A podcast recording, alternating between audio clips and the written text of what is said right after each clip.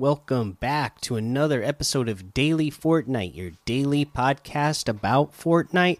I'm your host, Mikey, aka Mike Daddy, aka Magnificent Mikey.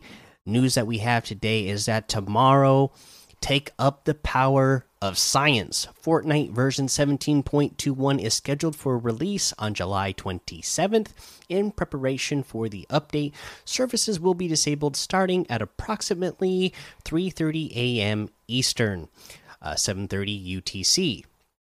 Okay, and then with that, uh, just another little uh, thing that they said uh, on social media about this update is a big boom in a small package. Let's see what I what IO has up their sleeve this time. Hashtag hot saucers leak. So it looks like it's going to be an IO weapon that we're getting in this update. Can't wait to officially see what that is and exactly how much damage we're going to be able to do with this thing. Okay, so uh, that's all we really got for news. So uh, we can go ahead and uh, look at what we have in the LTMs today. Floor is lava, uh, disarmed, uh, solos, Team Rumble, late game, Bugha's late game uh, is still here as well. Um, we got a hype cup today, so that's cool. Uh, for, you know, also I was I was forgetting. Uh, yeah, this week uh, FNCS uh, and competitive stuff is getting rolling, so that's uh, keep an eye out for that. Tide Tycoon fishing. Uh, let's see here. Survive the city. No parking, and then uh, let's see, red and green versus yellow and purple, and Battle Lab, of course. Uh, if we want to look at challenge tips, uh, where we are is to search ammo boxes, and you know that's really simple. Just go anywhere on the map and search ammo boxes. Obviously, if you go to places like Misty Meadows or a place like Dirty Docks, they always have a lot of uh, ammo boxes that are close to each other uh, that you can search really fast and get that challenge done uh, really fast. Those are my two places I usually go when I'm trying to get a search ammo boxes challenge done Dirty Docks and Misty Meadows because, uh, again, they have a lot of ammo boxes and there's always uh, a, a bunch of them that are close to each other. Uh, let's see here.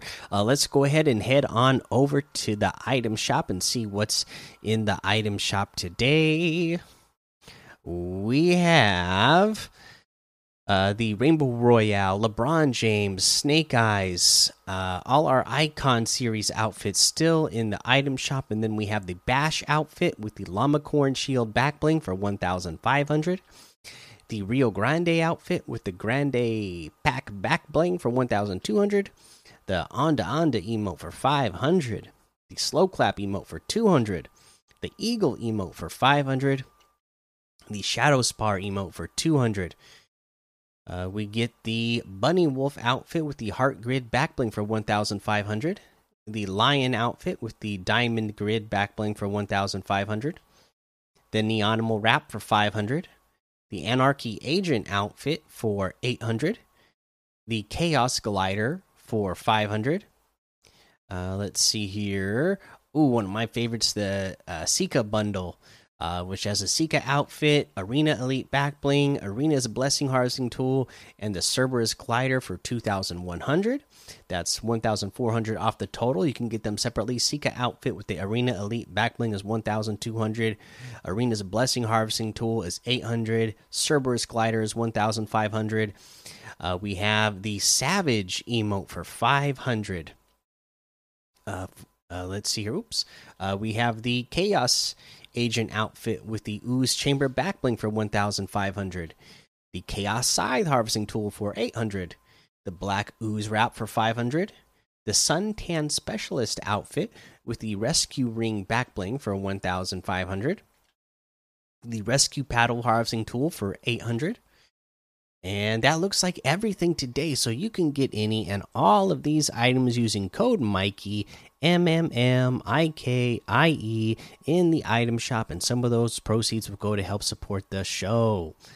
Okay, let's see here. Uh, tip of the day again. Uh, you know, I just want to. I just like talking about this Bugha's uh, late game uh, arena LTM trios mode, right?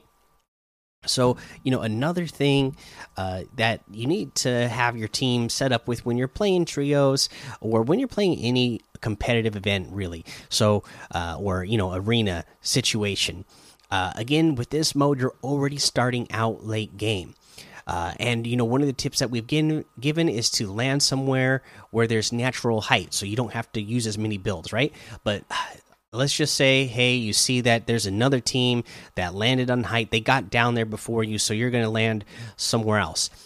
You need to make that decision. You know, is it worth it going for height at that point? You know, because you again, you don't want to be wasting all of your mats right away. If you are on low ground or if you uh you know start somewhere where you're already on the mid ground, you need to conserve those mats uh for the later it goes on in the match. So you need to be able to uh, make that decision. Hey, are we going up for height right away?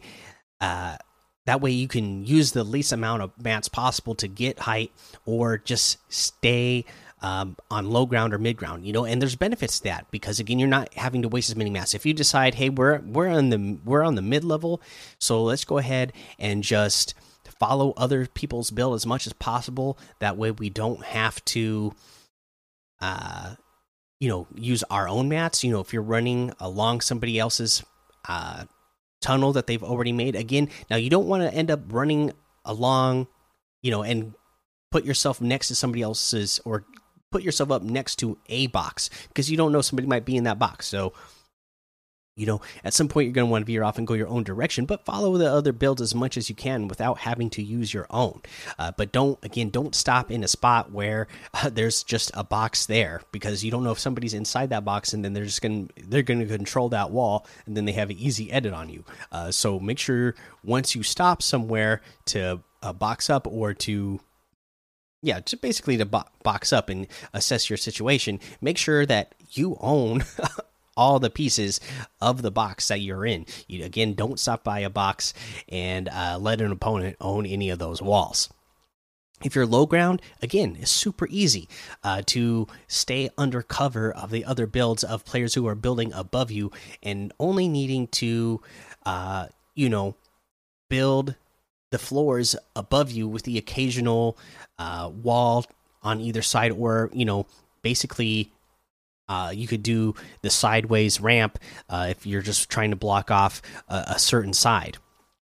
But do as much as you can to conserve your mats if you don't have the high ground. All right, guys, that's going to be the episode for today. Make sure you go join the daily Fortnite Discord and hang out with us. Follow me over on Twitch, Twitter, and YouTube. Head over to Apple Podcasts, leave a five star rating and a written review for a shout out on the show. Make sure you subscribe so you don't miss an episode. And until next time, have fun, be safe, and don't get lost in the storm.